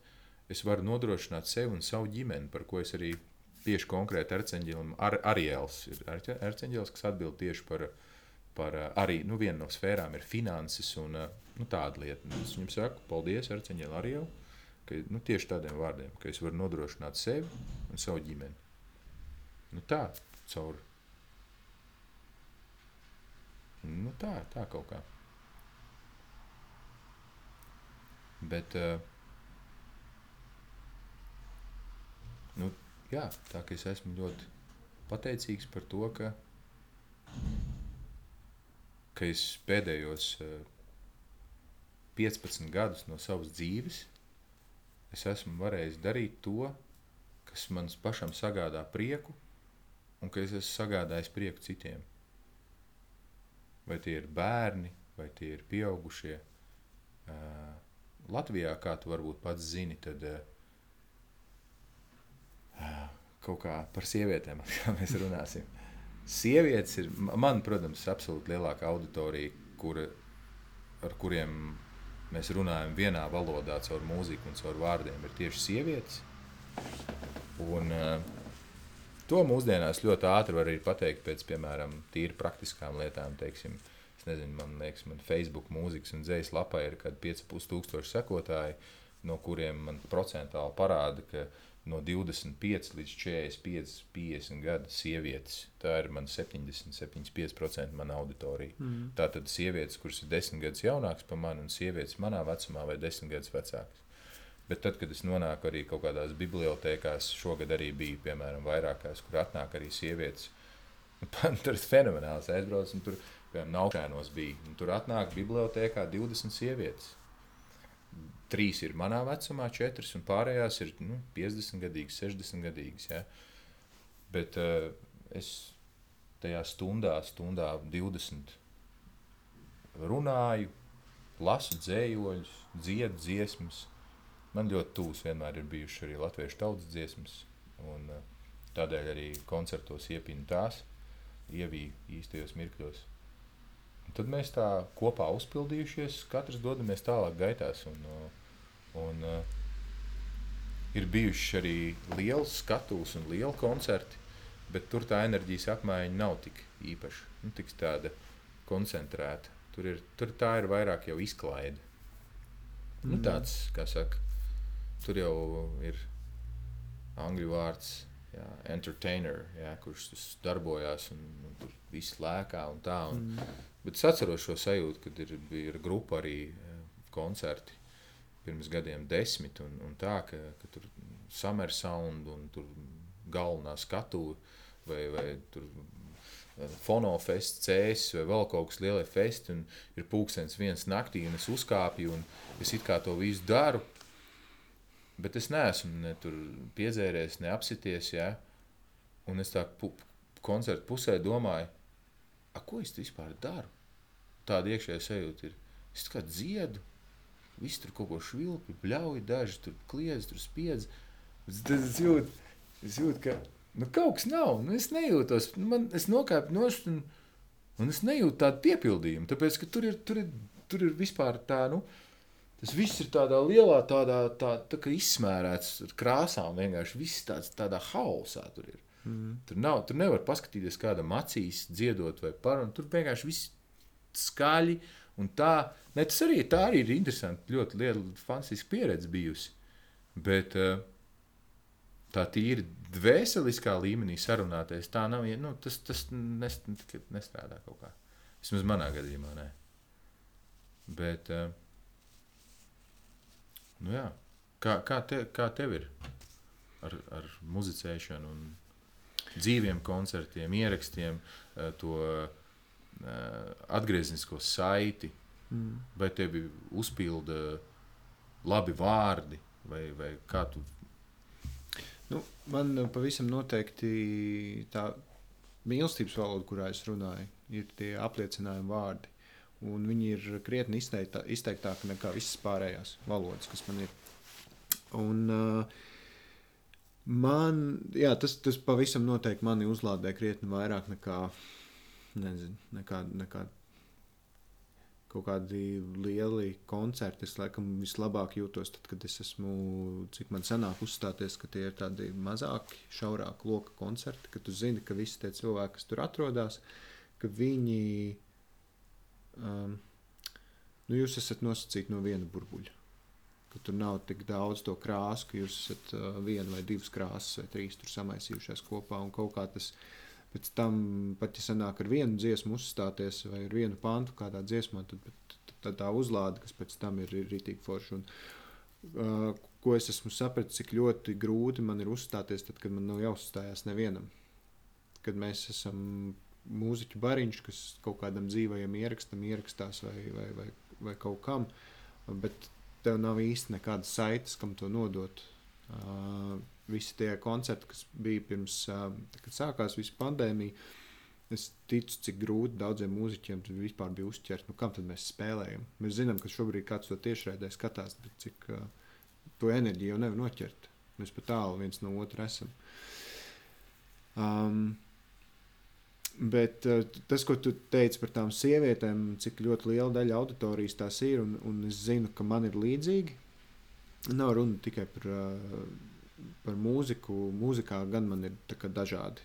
Bet uh, vispār visā, ko es daru, un cik ļoti manā dzīvē sieviete uh, ir no, ieņem ļoti nozīmīgu lomu. Mēs pirms pāris gadiem ar sievu paņēmām kaķi, kurš bija uh, puika vārdā Ozīs. Mums viņu vajadzēja, kā jau dzīvokļa kaķi, vajadzēja kastrēt. Viņu, es viņu aizvedu līdz vetārstam, sieva darbā. Teicu, lai es uzrakstu pēc tam, kad viss ir izdarīts, viņa uztraucās un tā. Un es aizvedu pie vetārsta, un tas kaķis jau ir bijis pie vetārsta pirms tam. Uh, tieši pie tā paša. Un, uh, nu, tagad tā operācija jātaisa un tā, un tas ārsts, kas skatās, viņš saka, nu, pagaidi, nu, nav tas puika. Nu, kā nav puika? Nu, nav, tad nekā nav. Viņš pasauca savu kolēģi, atnāk kā kolēģi un skatās, nu, nu, bet tiešām nav, nu, bet kā tā var būt? Vetārsts izčekoja kaķi pirms tam. Braucot uz to vetklīniku, kaķis man mašīnā tā bļāva uz mani. Nu, tā bļāva, nu, es to, protams, uztvēru kā, ka viņiem vienkārši nepatīk braukt mašīnā būrī. Nu, tā vetklīnikā noskaidrojas, ka tā tomēr ir meitene ar kuru mēs jau kaut kādus jau cik mēnešus dzīvojam kopā. Mums laikam likās, ka tas ir džeks, un mēs braucam atpakaļ mašīnā, tas kaķis uz mani vairs nebļāva, bet skatās, ka, nu, es jums teicu, jūs idioti tādi. un uh, tas bija man tāds lielais klikšķis, ka, nu, es kā pirms tam jau to nojautu, bet tas bija tā kā punkts uz zīmē manai sajūtai, cik ļoti nozīmīga sievietes loma ir manā dzīvē, un cik daudz no tā, ko es daru, cik daudz tu tomēr, ka to krietni vairāk patērē sievietes nekā, nekā vīrieši. Ka pat kaķis, kurš, kurš mūsu visuprāt ir džeks, beigās tomēr izrādās meitene. Tā kā tādā pat laikā tas kā Tagad tu to apzinājies, ir tā mazliet jocīgi. Nezinu, kāpēc. Varbūt tāpēc, ka kaut kāda sabiedrībā pieņemtie stereotipi vai, vai kaut kas tamlīdzīgs. Bet tādā laikā tu saproti, ka tā ir auditorija, kurai ir tev acīm redzot, ir kaut kas, ko dot. Un tu esi, kā tu teici, ir, tu esi tas uztvērējs, tas saskars punkts ar to, kas no tevis plūst, un tu to vari nodot. Un acīm redzot, tas ir tas, kas tiem cilvēkiem ir nepieciešams. Gribi tu to vai nē, gribi tu to dot vai nē, bet tas ir tas, kas tev acīm redzami ir jādara un tev ir iedots viss, lai to darītu. Jo daudzkārt skatoties uz kaut kādiem tekstiem, ko es esmu rakstījis, mm, īpaši senākiem, kaut vai gadu atpakaļ, es klausos un skatos un domāju, nu, no kurienes man šis te atnāca. Jo šobrīd liekas, ka es nevaru šo pašu uzrakstīt. Nu, tā kā ir rītīgi krūti, man ļoti patīk, kā šis ir uzrakstīts, bet es tagad nevarētu šitā. Bet es to izdarīju un es neticu tam, ka es to izdarīju. Cik grūti ir noticēt tam, ka tas tiešām ir atnācis un, kā tu saki, tā mīlestība ir izlikusies cauri, caur, caur vārdiem. Tā kā šo tēmu par to, kā Dievs ar mums, ar kādu valodu viņš ar mums sarunājās, es sāku pētīt principā nesen. Tu esi pirmais cilvēks, kam es pajautāju šo. Nebūtu sācis runāt par, par, par Dievu visumu vai kā, nu, kurš to sauc. Uh, uh, nebūtu tev šito te pajautājis. Jo tā, tas ir ļoti interesanti, jo daudz. Mm, es neesmu reliģijos, arī esmu kristīts, luterāns, bet uh, nepraktizēju. Un, un lielā daļa baznīcas, kurā es esmu bijis, kaut kādiem dievkalpojumiem, man arī kā, kaut, nu, kaut kas neiet man kopā īsti. Tāpat laikā es esmu nenormāli atvērts tam, un man ir bijušas savas pieredzes ar to visu, kas man ir ļāvušas noticēt uh, uh, tam un attiekties pret to kā kaut ko nopietnāku nekā pirms tam. Un uh, daudz reliģijā tiek minēts to par Kristus mīlestību un par Dievu mīlestību. Tā ir milzīga tēma, ko pētīt. Jo mēs ļoti, uh, vispār mēs kā, kā cilvēki, visbiežāk mīlestību uztveram kā attiecības starp diviem cilvēkiem. Tu jau sarunas sākumā teici, ka tavuprāt tas nav tikai tas, tas ir arī tas un šitas. Un ļoti daudz visādi tie virzieni. Un tā pat laikā arī mīlestība pret Dievu, pret uh, Jēzus Kristu un, un tas, kādu mīlestību šie, šie, šie milzīgie enerģijas lauki sniedz mums. Un kā tas notiek? Mums par to noteikti ir jāparunā. Kas tas ir?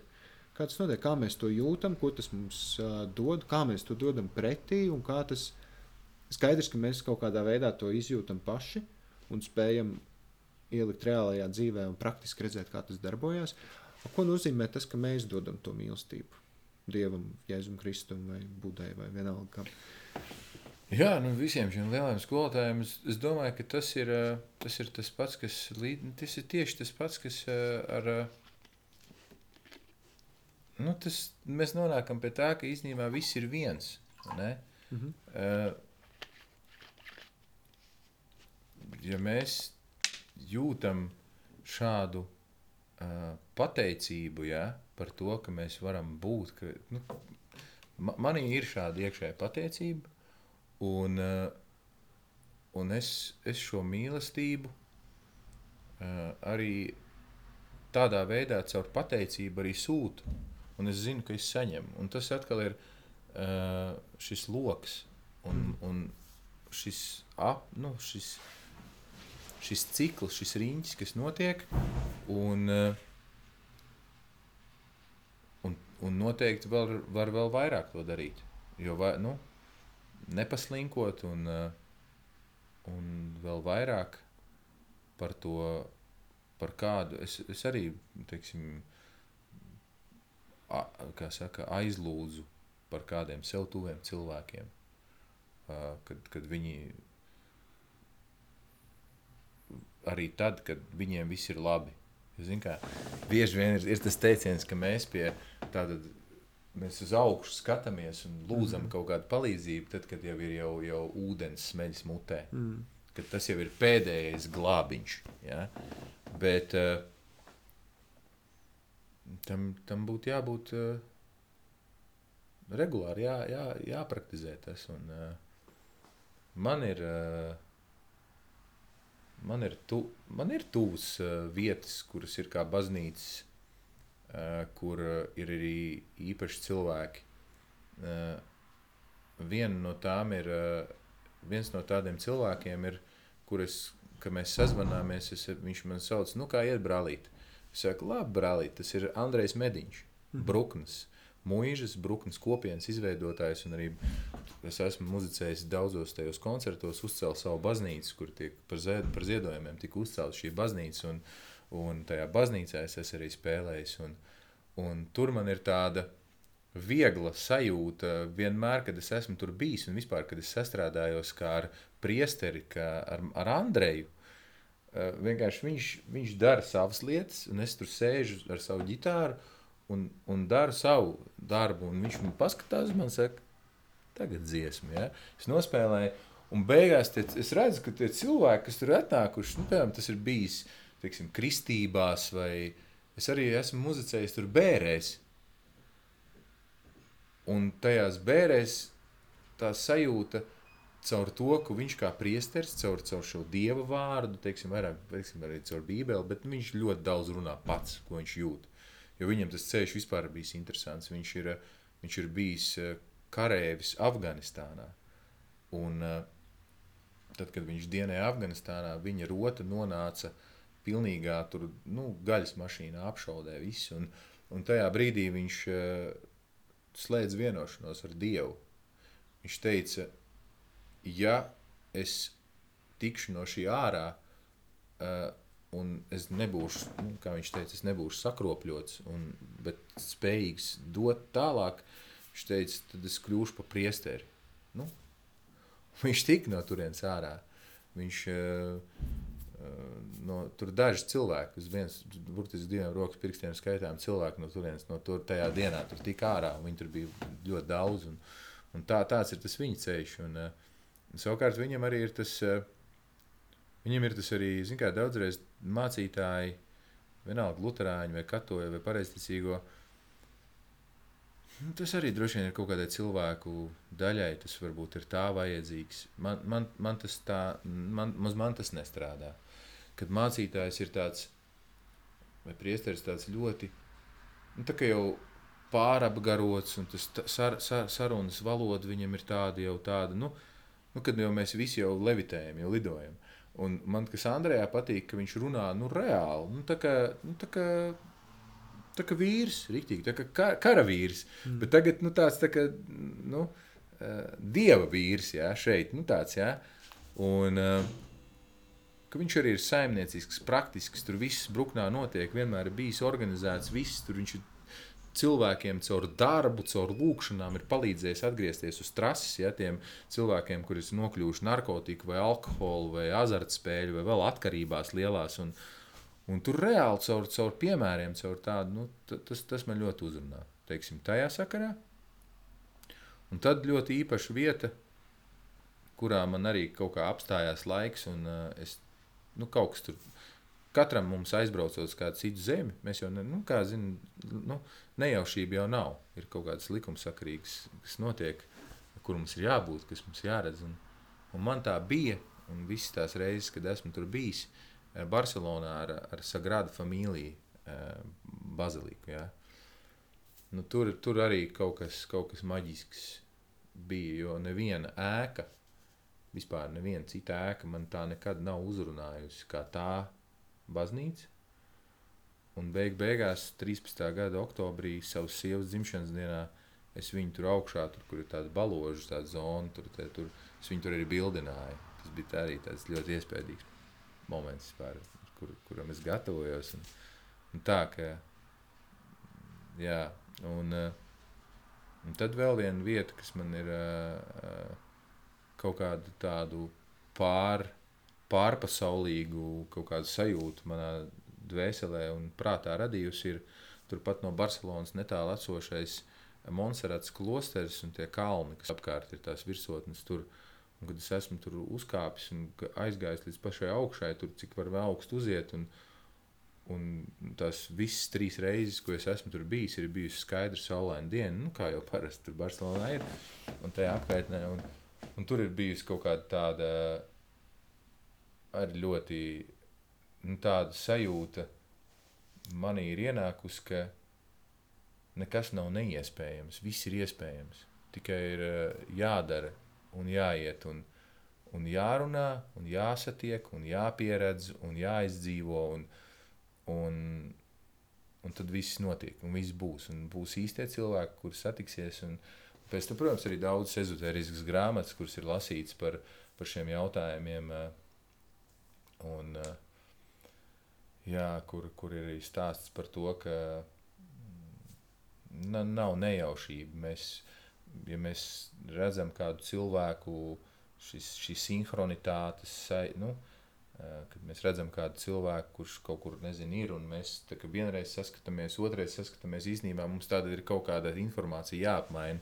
Un, nu, tādas lietas tur, tur bija. bija uh, James Redfield, divas, trīs grāmatas, ir, eh, kas man ir, kuras es esmu pēdējo desmit gadu laikā, man liekas, katru trīs reizes pārlasījis Celestīnas pravietojumu, eh, ša, Šambals noslēpums, un, un tad ir 12. atklāsme. Tā, ka, nu, par, par atklāsmēm, kuras cilvēks iziet cauri dzīves laikā. Eh, kāpēc mēs esam pie tiem vecākiem, ko, pie kā mēs esam, kas ar mums viņiem ir, uh, jā, jā, jāiemācās, ko mums viņiem ir jāiemācās, un tā tālāk. Eh, kā reaģēt uz dažādiem cilvēku tipiem. Eh, citi ir, eh, ir, protams, tie cilvēki, kur paši to neapzinās, bet viņi caur, caur tādu agresiju iegūst enerģiju, caur kaut kādu nelaipnību. Un savukārt to ciklu var pārcirst vienmēr, ja kāds, piemēram, bet grūti to, protams, tajā brīdī norēģēt. Bet, piemēram, kāds cilvēks kādā brīdī ir kaut kāds agresīvs pret konkrēto citu cilvēku, vai, vai, vai nelaipns, vai uzbrukošs, un tas cilvēks tam otram atbild ar smaidu vai kaut kādu jocīgu pieeju, nu, tad, nu, kaut, kaut ko tādu pilnīgi. Un tas to, to cilvēku, viņš saprot, viss, te nav enerģijas, te es neko neizsūkšu. Jo viņš izsūktu tieši no tā, ja pretī mestos tur argumentētu un tur pa savu taisnību un tā. Un, un šie dažādie cilvēku tipi, un tad ir, tad ir cilvēkiem, kuriem ir šī upura loma, kuriem vajag, lai viņus vienmēr uh, nu, žēlotu un stāstītu, jā, nabadzīgs tu tāds, jā, nu kā. Nu. Un tad viņi šādu enerģiju iegūst. Tad ir cilvēki, nu, ir dažādi tie tipi, mm. ne? arī šādi, ne tikai šie pieci, pieci mīlestības, par ko mēs šodien sarunā runājām, bet arī, bet arī vienkārši cilvēku tipi, jā, kur ir. Uh, Tad ir cilvēki, kuri vienmēr tajā, no tiem tipiem vēl bija tie, kuri vienmēr, ah, es jau neko, es jau tur nepiedalos, ah, tas, es jau tur neiesaistos, labāk es pastāvēšu maliņā. Mm -hmm. Maliņā ir drošāk. Nu, tā nu, ir daža, nu, dažādi, kā, kā cilvēki dzīvo, kā iegūst enerģiju. Un, un, ja katrs cilvēks apzinās to savu tipu, tad pie visām lietām dzīvē var strādāt un atkal kaut ko pamainīt. Tā, uh, mm, galvenais ir pieņemt. Jā. Nav jau tā, ka mēs ka mūsu, kā, tas, kāda mēs esam, ir pilnīgi akmenī kalti. Ir kaut, nē, kādi, nē, absolut. ir kaut kādi fundamenti, protams, bet uh, visu var kaut kā pieslīpēt, pamainīt. Un tas teiciens, ka cilvēks, nu, par pieaugušiem cilvēkiem, mm. tas mūžīgais teiciens ir, ka nu, cilvēki jau nekad nemainās. Mm -hmm. Nē, mainās ļoti. Visu laiku. Ļoti mainās, un, un, un, ja, un vēl vairāk mainās, ja grib mainīties. Ja sajūt to, to impulsu, ka ir īstais mieru, nu, Tas nenotiek vienā dienā vai stundā, mm. bet, eh, bet kaut kādi notikumi mums maina. Eh, visu laiku mums tiek kaut kādas zīmes dotas, rādītas, mācītas, ja mēs tikai gribam to uztvert un, un savu sirdi atveram tam. Eh, jebkuros laikos, jebkurā vecumā. Nu, jo cilvēki jau šķiet, ka arī, piemēram, noveco ātrāk, ja viņi šo vecumu nu, kaut kā, nu, tā, kā tā ir teikts un tā ir. Nu, piemēram, daudz cilvēki īpaši mm, vēl pe, mūsdienās kaut kā uh, pilnīgi apgājuši šo visu. Nu, kad, uh, piemēram, ar to var nodarboties tikai tajos gados, un mm -hmm. vēlāk vairs nē. Tas jau mēs jau esam pa vecu tam. Mm -hmm. Bet nē, cits cilvēks saka, nu nav tā, nu es pierādīšu, ka nav tā, es gribu pierādīt. Nu, uh, varbūt ne tādā formā, kā tur 20 gadnieks, bet arī 60 gadnieks ņem un dara to. Un vienkārši sanāk, un galvenais jau, ko viņš, viņš iegūst enerģiju un tādu dzīves prieku un baudu no tā. Ne? Nu, jā. Vai ir vēl kaut kas tāds, ko tu gribētu pateikt? Es varētu novēlēt cilvēkiem, kuri, kuri šobrīd klausās. Jā, tev, tieši tev, kurš šobrīd klausies. Eh, galvenais, eh, jā, ticēt, ticēt sev, savai iekšējai unikalitātei un spēkam un tam, ka un tai mīlestībai, uh, kur ir jā, no, no visuma dota, ja mēs šeit visi esam, tad, tad, tad ir kāds īpašs iemesls, kāpēc mums ir šeit jābūt. Un, uh, un vēl es noteikti novēlu to, ka katrs cilvēks dzi, nu, dziļi sevī jūt, kas ir tā lieta, uh, kas viņam šajā, šajā planētā būtu jādara un no kā viņš jūtas vispriecīgāks, vislaimīgāks, vis tāds piepildītāks. Un, lai arī dažreiz varbūt šķiet, tas jau tāds nereāls sapnis, nu, kur nu tur jau vairs nav tas laiks, ir jāpelna tikai nauda, jo tagad vispār grūti laiki. Nu, kā atmest to nost, jo, jo vienkārši tiem, kas dara un uzdrošinās un ar, ar sevi kā, nu, cenšas tikt tālāk savā dzīvē, kaut kādas jaunas sajūtas iegūst. Nevis, teiksim, nu, ieslīgt tādā komforta zonā, bet kura vispār nerada nekādu gandarījumu, tikai komfortu. Tad, tad noteikti es varu teikt to, ka uh, mēs, mēs nekādā ziņā neesam vieni. Uh, mums ir savi sargeņģeļi, mums ir arceņģeļi, mums ir jā, tas pats Jēzus vai kas kuram tuvāks. Uh, Dievs, visaugstākais radītājs, visums, kosmos, citam varbūt sajūta ir tuvāka ar, es nezinu, būdu, piemēram, vienalga, bet, bet eh, jā, lūgt šo palīdzību un, un saņemt un pieņemt šo palīdzību, to es novēlu, eh, un šo mīlestību.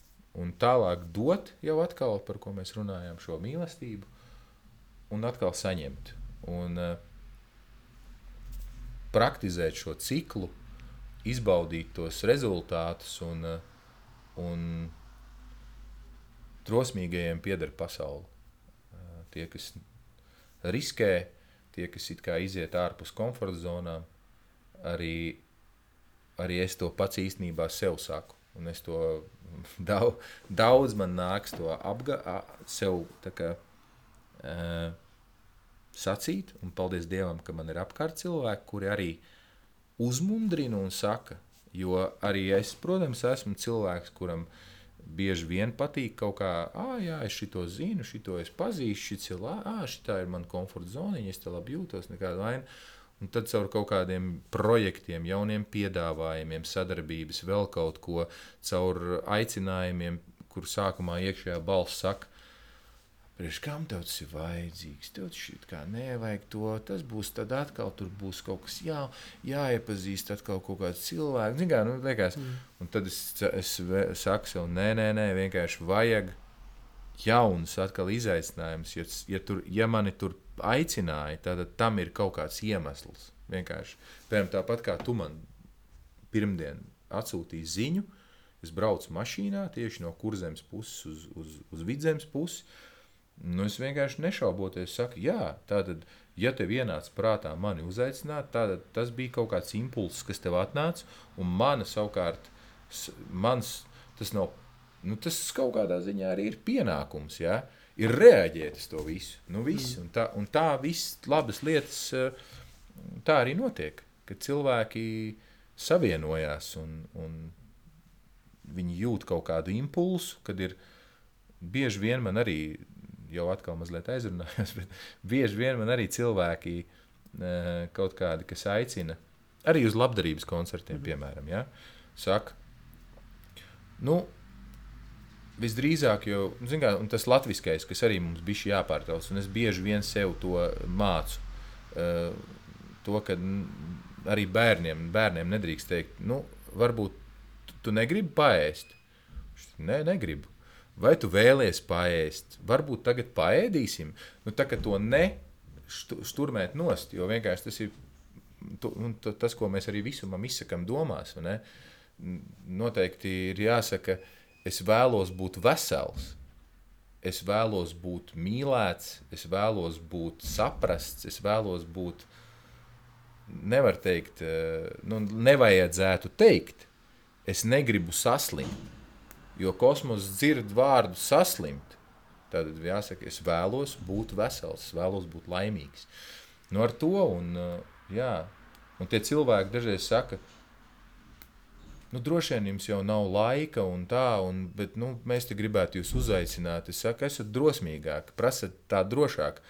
Vai tu gribi atbraukt pie mums? Es teikšu, jā, es gribu. Jo, ja tur sāk lasīt jau uz vēstules, ko atsūta e-pastā, nu, vai jūs nevēlētos tur atbraukt, tad ir izlasi jau. Iekšēji jau vispār brīšķiņi kaut kur nevēlētos. Ar vienu Jābrauc esam, čakars mazliet.